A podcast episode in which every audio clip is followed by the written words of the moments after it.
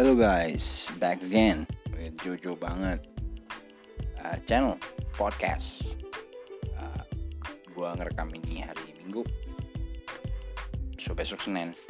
Uh, anak gua udah tidur, but I want to make a podcast tentang sekarang ada topiknya. Topiknya tentang elit sembelit. Oke, okay, probably uh, questioning well, what the heck is this? Mungkin nanya gitu ya uh, apa nih maksudnya nih apa nih? Gitu. uh, sedikit aja gue kasih deskripsi. Uh, kemarin sempet gue cerita soal masih banyak orang baik di Jakarta masih banyak ketemu yang baik-baik gitu kan. Tapi setelah gue cerita itu temen gue uh, cerita lagi uh, karena dia ketua RT ya. Gue nggak perlu sebutin RT berapa daerah mana. Uh, demi kelancaran hidup ini nanti jadi teror lagi. Uh, semenjak dia jadi ketua RT itu banyak banget tantangan gitu. Dan kayaknya pingin juga gue ceritain dan gue bahas di episode berikut ini tentang cerita teman gue ini gitu. Bagaimana sih dia jadi ketua RT dan uh, tantangan-tantangannya dan kayaknya agak kontradiktif dengan apa yang kemarin gue denger gitu. Uh, cukup cukup lucu aja. Cuman uh, perbedaannya yang kemarin gue denger tuh orang-orang yang biasa yang di uh, gang-gang gitu. Sedangkan yang ini temen gue perumahan elit gitu. Yang kita tahu perumahannya dari zaman dulu itu udah udah bisa dibilang Beverly Hillsnya Jakarta lah gitu tapi ternyata kelakuannya kalah sama orang yang diganggang gitu. So makanya gue kasih judul elit sembelit. Nah, ternyata orang-orang elit juga bisa sembelit atau bahkan malah orang-orang elit cenderung untuk uh, punya masalah sembelit. How's the story? Uh, just wait for it. Okay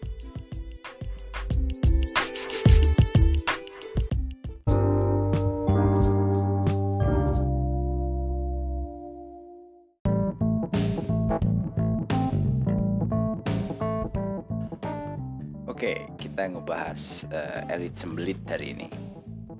Dan tadi gue udah kasih deskripsi sedikit ya, maksudnya elit sembelit apa. Jadi kalau kita ngomongin orang-orang elit di Jakarta dan ya kalau kita udah lama tinggal di Jakarta kita udah tahu lah ya orang Jakarta tuh kebagi ke beberapa model tipe gitu. Ada yang kelas ada yang kelas bawah banget, menengah bawah menuju at, men, menengah bawah kelas bawah banget agak atasan dikit menuju ke menengah menengah gitu terus menengah menuju atas terus atas elit banget. Terus ada yang mungkin the the ya itu yang paling tinggi banget gitu ya stratanya. Jadi emang stratanya ada. Dan uh, yang gue tadi deskripsikan itu sebetulnya orang-orang elit yang ya paling nggak ada di strata atas. Sebelum paling atas banget cuman ya artinya mobilnya pasti lebih dari satu lah. Uh, rumahnya gede-gede uh, iya anaknya masih banyak gitu dan kerjanya gajinya pasti gede-gede lah. Dan ini elit elit lah. Uh, kalau orang Jakarta agak lebih lama tinggal di Jakarta pasti lo tahu maksud gua elit tuh kayak gimana gitu. Dan mereka mengikuti kaidahnya nggak jauh dari work hard play hard. Pastinya gitu itu itu udah dari awal tahun 80-an ketika revolusi industri digital mungkin ya mulai mulai berkembang gitu ada ada macam-macam kan ada handphone mulai ditemukan walaupun yang masih gede terus kan cepet gitu komputer mulai ada di desktop dan segala macam uh, gue soalnya kemarin baru nonton National Geographic uh, soal uh, 80 uh, the decades that made us or something like that lu pasti juga pernah dengar lah mungkin kalau nonton NG uh, dan di situ kelihatan bahwa tahun 80-an tuh revolusi digital itu mulai mulai bergejolak gitu. Dan banyak banget perubahan-perubahan yang lucu-lucu sebenarnya kayak kayak boombox lah kayak aerobik lah segala macem. Cuman semenjak itu memang ada satu tipikal uh, semboyan yang selalu di digaungkan oleh kaum kaum elit ini adalah work hard play hard gitu. jadi dulu kan sempat ada tuh acara di TV Indonesia juga uh, judulnya work hard play hard. Uh, worknya gila-gilaan gitu sampai mungkin lupa pulang dan segala macem. Uh, gue pernah punya temen uh, lawyer. Waduh gila kerjanya tuh bisa ya udah pokoknya nggak pernah pulang lah. Ajak nongkrong susah banget waktunya susah. Karena memang kerja keras banget biar duitnya juga banyak. Tapi playnya uh, biar dia akan nentuin kapan playnya mungkin sama teman-teman kantornya. Cuman when the play time comes gitu ah, bisa-bisan bisa-bisan kalau yang yang baik-baik mungkin nggak nggak sampai parah ya. Kalau yang agak brutal brutal dikit ya apa ekstasi atau apa gitu. Ya pasti lu pernah denger lah pergaulan-pergaulan semacam itu. Dulu kan pernah ada uh, Jakarta Undercover something like that. Mungkin pasti lu pasti ingat. Tapi itu gambaran dari work hard play hardnya orang-orang elit di Jakarta. Dan asumsinya eh, orang-orang ini udah terlalu sibuk semestinya ya. Semestinya loh uh, dengan kegiatannya dengan permainan-permainannya playing-playingnya maksud gua. Uh, karena work hard play hard jadi udah udah cukup sibuk lah dengan dunia-dunia itu sehingga uh, bayangan gue sikapnya lebih individualis. Asumsi gue gitu gitu. Kalau menyambung pada konteks kemarin gue cerita masih ada orang baik di Jakarta itu kan orang-orang yang tinggal di di ya pasar minggu jalan-jalan kecil gitu yang menengah ke bawah uh, ya orang mungkin kadang ngomong orang kampung atau apa gitu. Cuman uh, ya memang guyup gitu kalau kalau di pinggiran-pinggiran gitu lebih lebih ya pasar minggu bukan pinggiran juga sih. Dulu masih pinggiran cuman udah menuju ke selatan Jakarta bukan Jakarta Selatan ya. Selatan Jakarta kan udah menuju ke Jagakarsa Lenteng Agung Depok sekitarnya. Udah mulai minggir juga sih sebenarnya walaupun nggak minggir-minggir amat.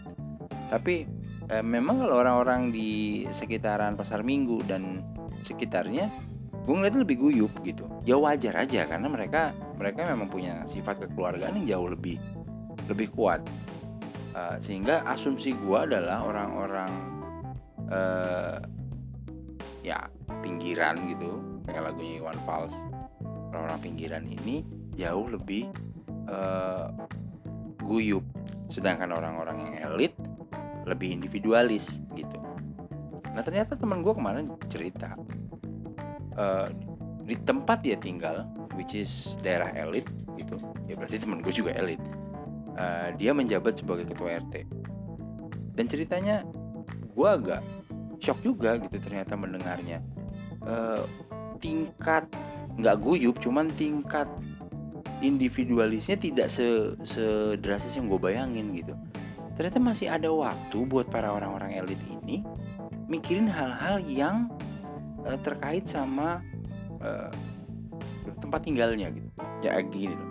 Bayangan gue ya kalau gue tinggalnya di daerah Mampang uh, kayak kemarin gue bilang gue masih tegur-teguran sama tangga gue. Gue kenal tetangga gue. Kalau jumatan ya ketemu. Kalau lagi makan di warteg belanja di warung ya ketemu sapa-sapa dan segala macam. Iya dan uh, itu itu kelihatan gitu. Cuman di daerah rumah gue juga sudah mulai ada klaster-klaster yang sifatnya elit gitu.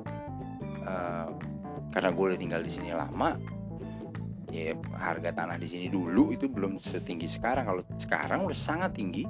Jadi yang tinggal di sini yang mampu tinggal di daerah sini ya benar-benar orang elit atau orang-orang yang memang udah dari dulu tinggal di sini kayak gue gini gitu. Nah uh, ketika gue ngeliat orang-orang yang baru datang ke sini yang notabene adalah elit sikap individualistisnya gue ngeliat tinggi banget gitu loh. Nggak nggak terlalu kenal gue sama orang-orang yang baru datang ini. Tapi kalau sama orang-orang yang lama yang kita masih kenal. So uh, eh, gue kan jadi membayangkan bahwa asumsinya oh ya berarti tempat teman gue nih mestinya sih individualis ya gitu. Mestinya nggak nggak terlalu uh, ngurusin hal-hal yang perintilan gitu. Ternyata enggak ternyata walaupun mereka tinggal di daerah elit walaupun mereka orang-orang elit gitu uh, ternyata nggak nggak kalah juga gitu. Ngurusin hal-hal masalah pemilihan RT lah masalah duit RT lah masalah portal ini itulah gue jadi wow mind blowing banget gitu loh buat gue asumsi gue salah berarti selama ini. Ternyata mereka juga masih mikirin loh urusan-urusan kayak gitu walaupun dengan konteks yang agak berbeda walaupun uh, nilai yang mereka anut itu juga beda. Nah di sini menariknya gitu.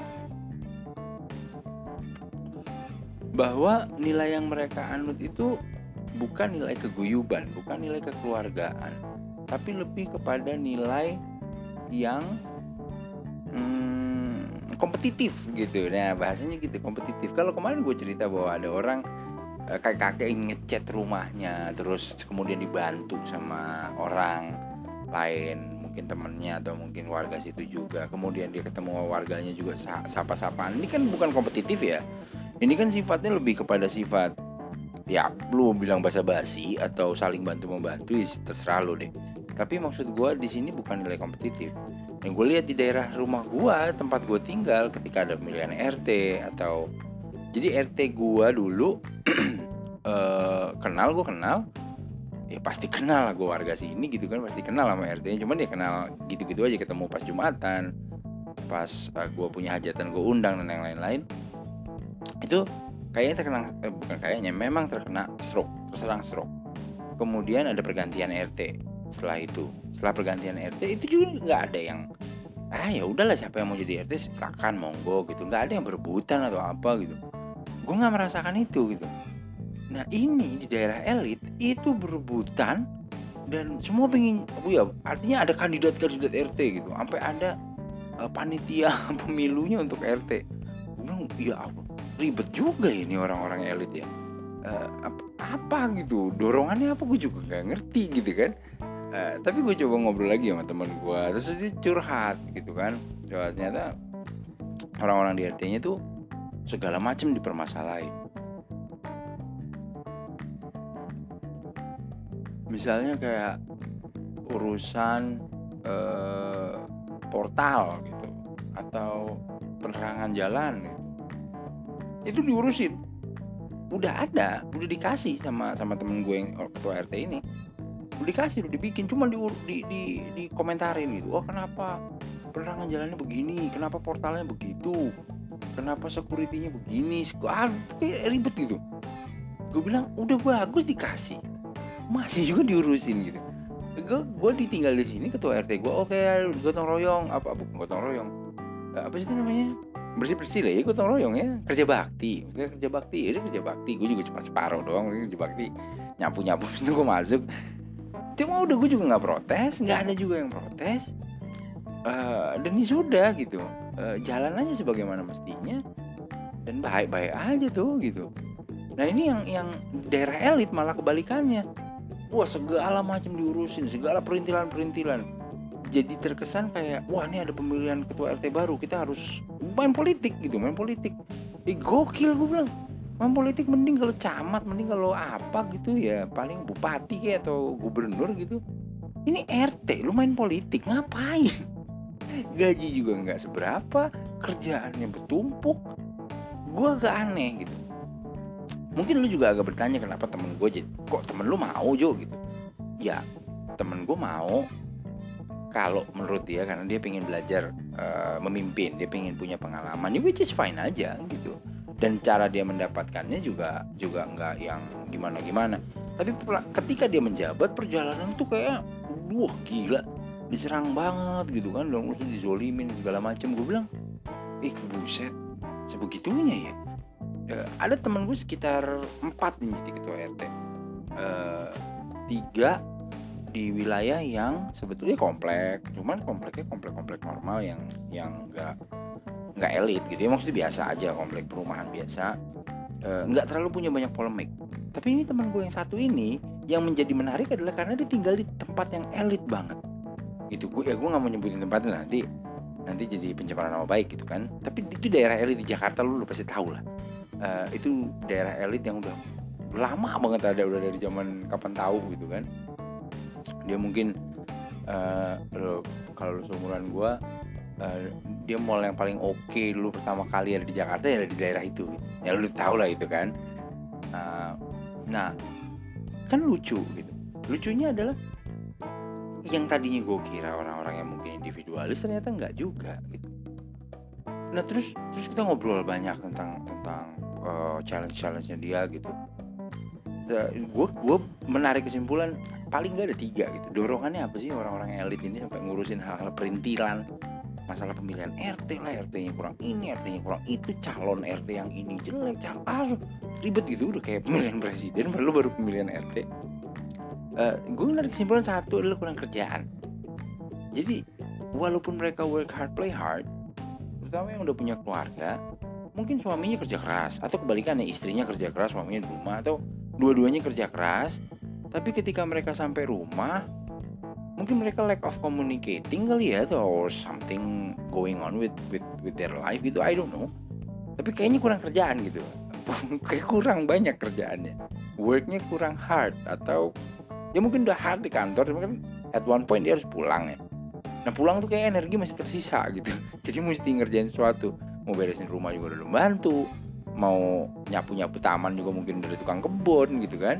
Mau nyuci mobil udah sopir udah banyak jadi kayak dia mesti punya energi tambahan mesti punya energi lebih yang mesti dia keluarin.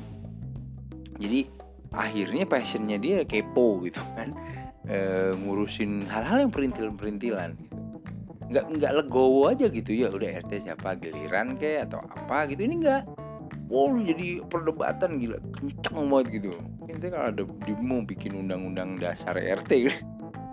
sehingga ketua RT bisa dipilih cuman satu kali masa jabatan. Gue ini lucu juga sih. Aneh banget gitu. Jadi karena karena dia kelebihan energi bukan kurang kerjaan mungkin dia kelebihan energi. Ya kurang kerjaan juga sih. Akhirnya kurang gitu energi apa kerjaannya kurang buat dia. Karena energinya dia melebihi itu. Sehingga dia melan, me, me, apa namanya menyalurkannya ke hal-hal yang seperti itu. Dan akhirnya kan dia punya punya hobi baru tuh kepo terus aktif gitu di lingkungan, woi sedikit dikomentarin masalah penerangan jalan dikomentarin, ini komentar. Padahal dia mereka sebenarnya udah hard work, hard hard work, work hard, play hard gitu. Uh, tapi hobinya masih kurang dia kayak nyari hobi baru gitu. Mending hobinya apa kayak mending main gitar kayak apa gendangan gitu apa kayak ini enggak gitu. Mungkin itu juga udah tapi masih masih berlebih aja gitu. Terus uh, akhirnya kan ini menjadi justifikasi wah gue punya jiwa sosial nih gitu. Gue, gue mesti bantu warga gini ya oke okay juga sih nggak masalah. Cuman kalau sampai membuat ada orang yang terasa terzolimi kan ya ya mesake juga gitu ya. Jangan sampai kayak gitulah gitu kan. Nah itu kesimpulan pertama. Kurang kerjaan uh, plus kelebihan energi gitu lah biar agak positif dikit. Terus yang kedua tuh kesimpulan gue gue mikirnya ada status sosial yang pengen dikejar.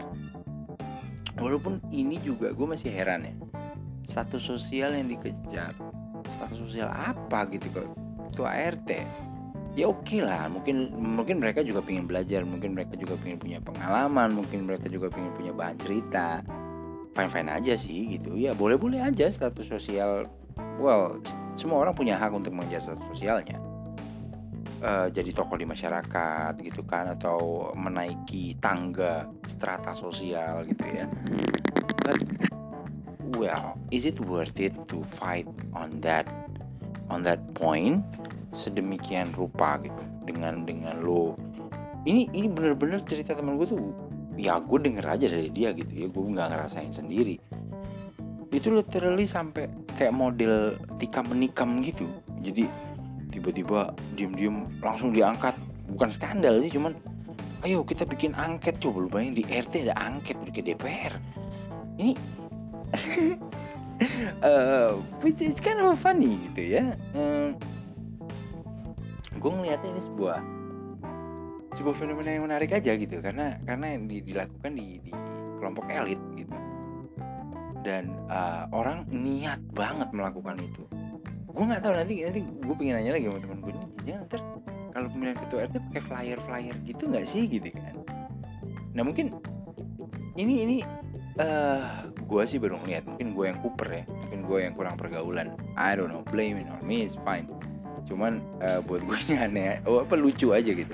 It's kind of a funny things uh, satu asumsi gue uh, akhirnya terbantahkan. Ternyata enggak. Ternyata orang elit juga mikirin urusan-urusan gini uh, dan kemudian orang elit juga butuh urusan-urusan kayak gini. Dan orang elit ternyata energinya banyak banget. Uh, bahkan sampai urusan yang kecil-kecil tuh di diurusin saking banyaknya energi dia masih surplus gitu energinya. Kan kan kan ini jadi jadi pengetahuan baru buat gue nah eh,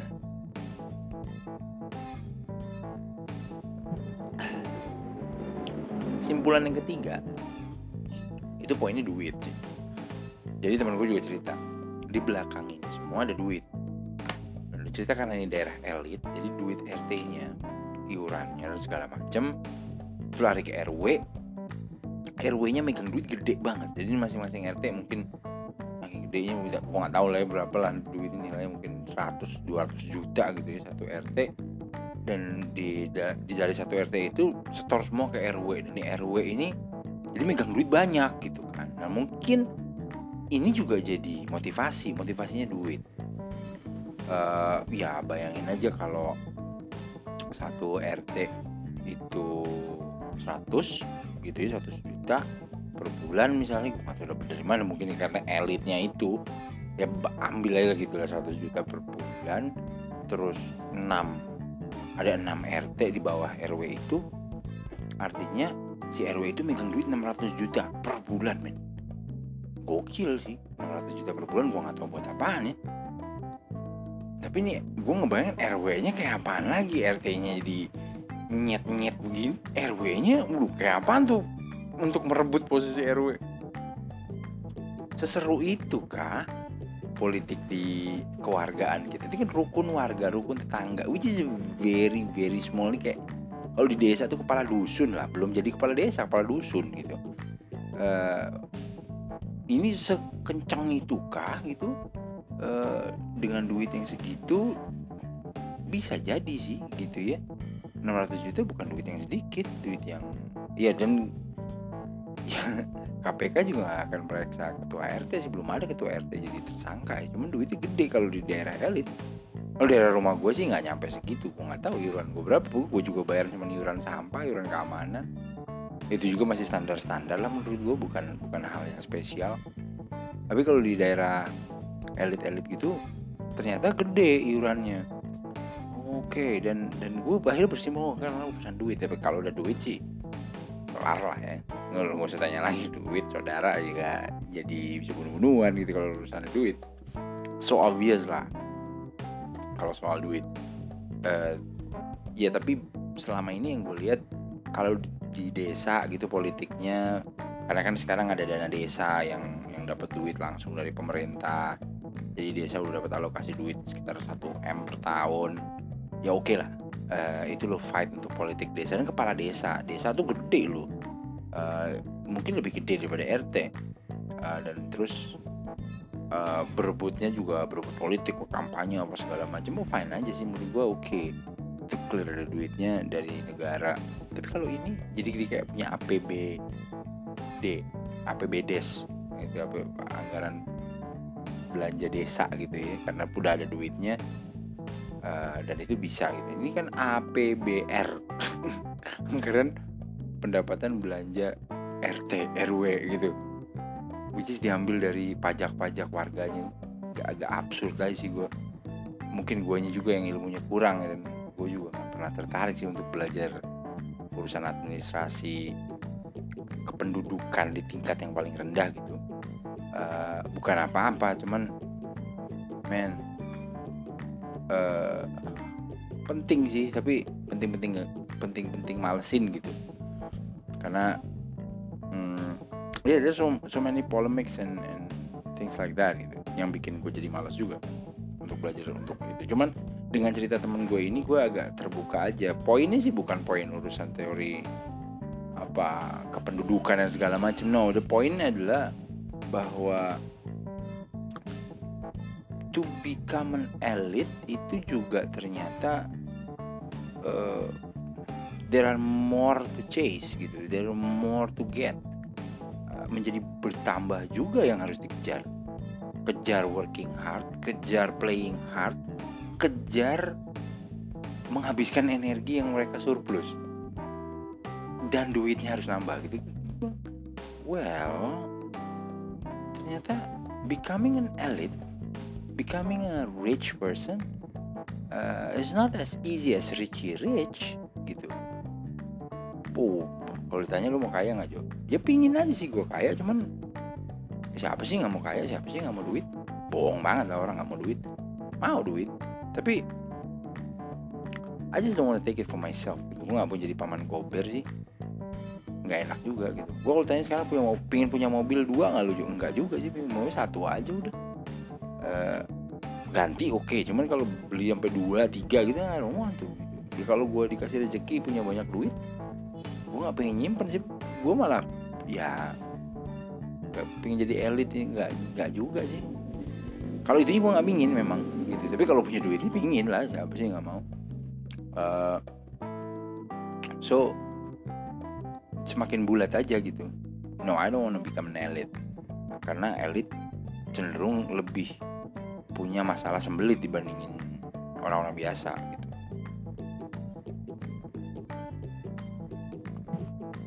Jadi gue mikirnya mungkin udah paling pas tuh menjadi orang yang biasa-biasa aja. Ya rumah satu mobil satu motor satu. Eh, semuanya satu-satu aja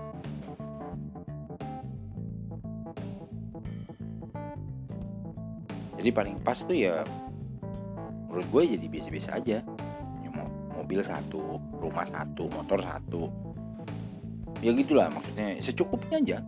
Nggak perlu yang riwah-riwah banget. Doesn't have to be elit juga. Karena gue nggak mau sembelit juga lah gila. Dan gue jadi teringat ceritanya Gusmus gitu. Ketika dia diajak temennya yang petani makan di tengah sawah.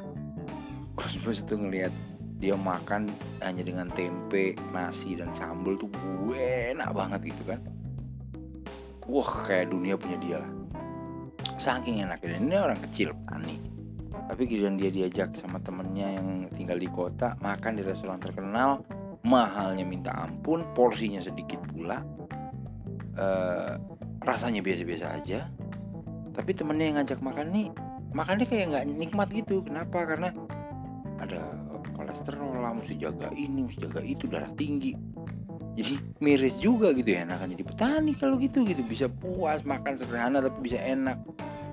Ya well itu pelajaran hidup yang bisa gue dapat sih dari cerita temen gue yeah, so it's firm. I don't wanna be an elite ah enakan juga gini. Bisa bikin podcast bisa ngomong bisa nulis bisa main-main sama anak gua. Udah bersyukur aja deh kalau kayak gini how about you guys? I hope uh, you also get the the feel gitu. Ya I'm sorry kalau salah satu lo yang dengerin ini juga orang elit yang punya duit banyak dan tinggal di perumahan elit. It's okay. But just think about others. Just think about positive things lah. Uh, don't hurt others.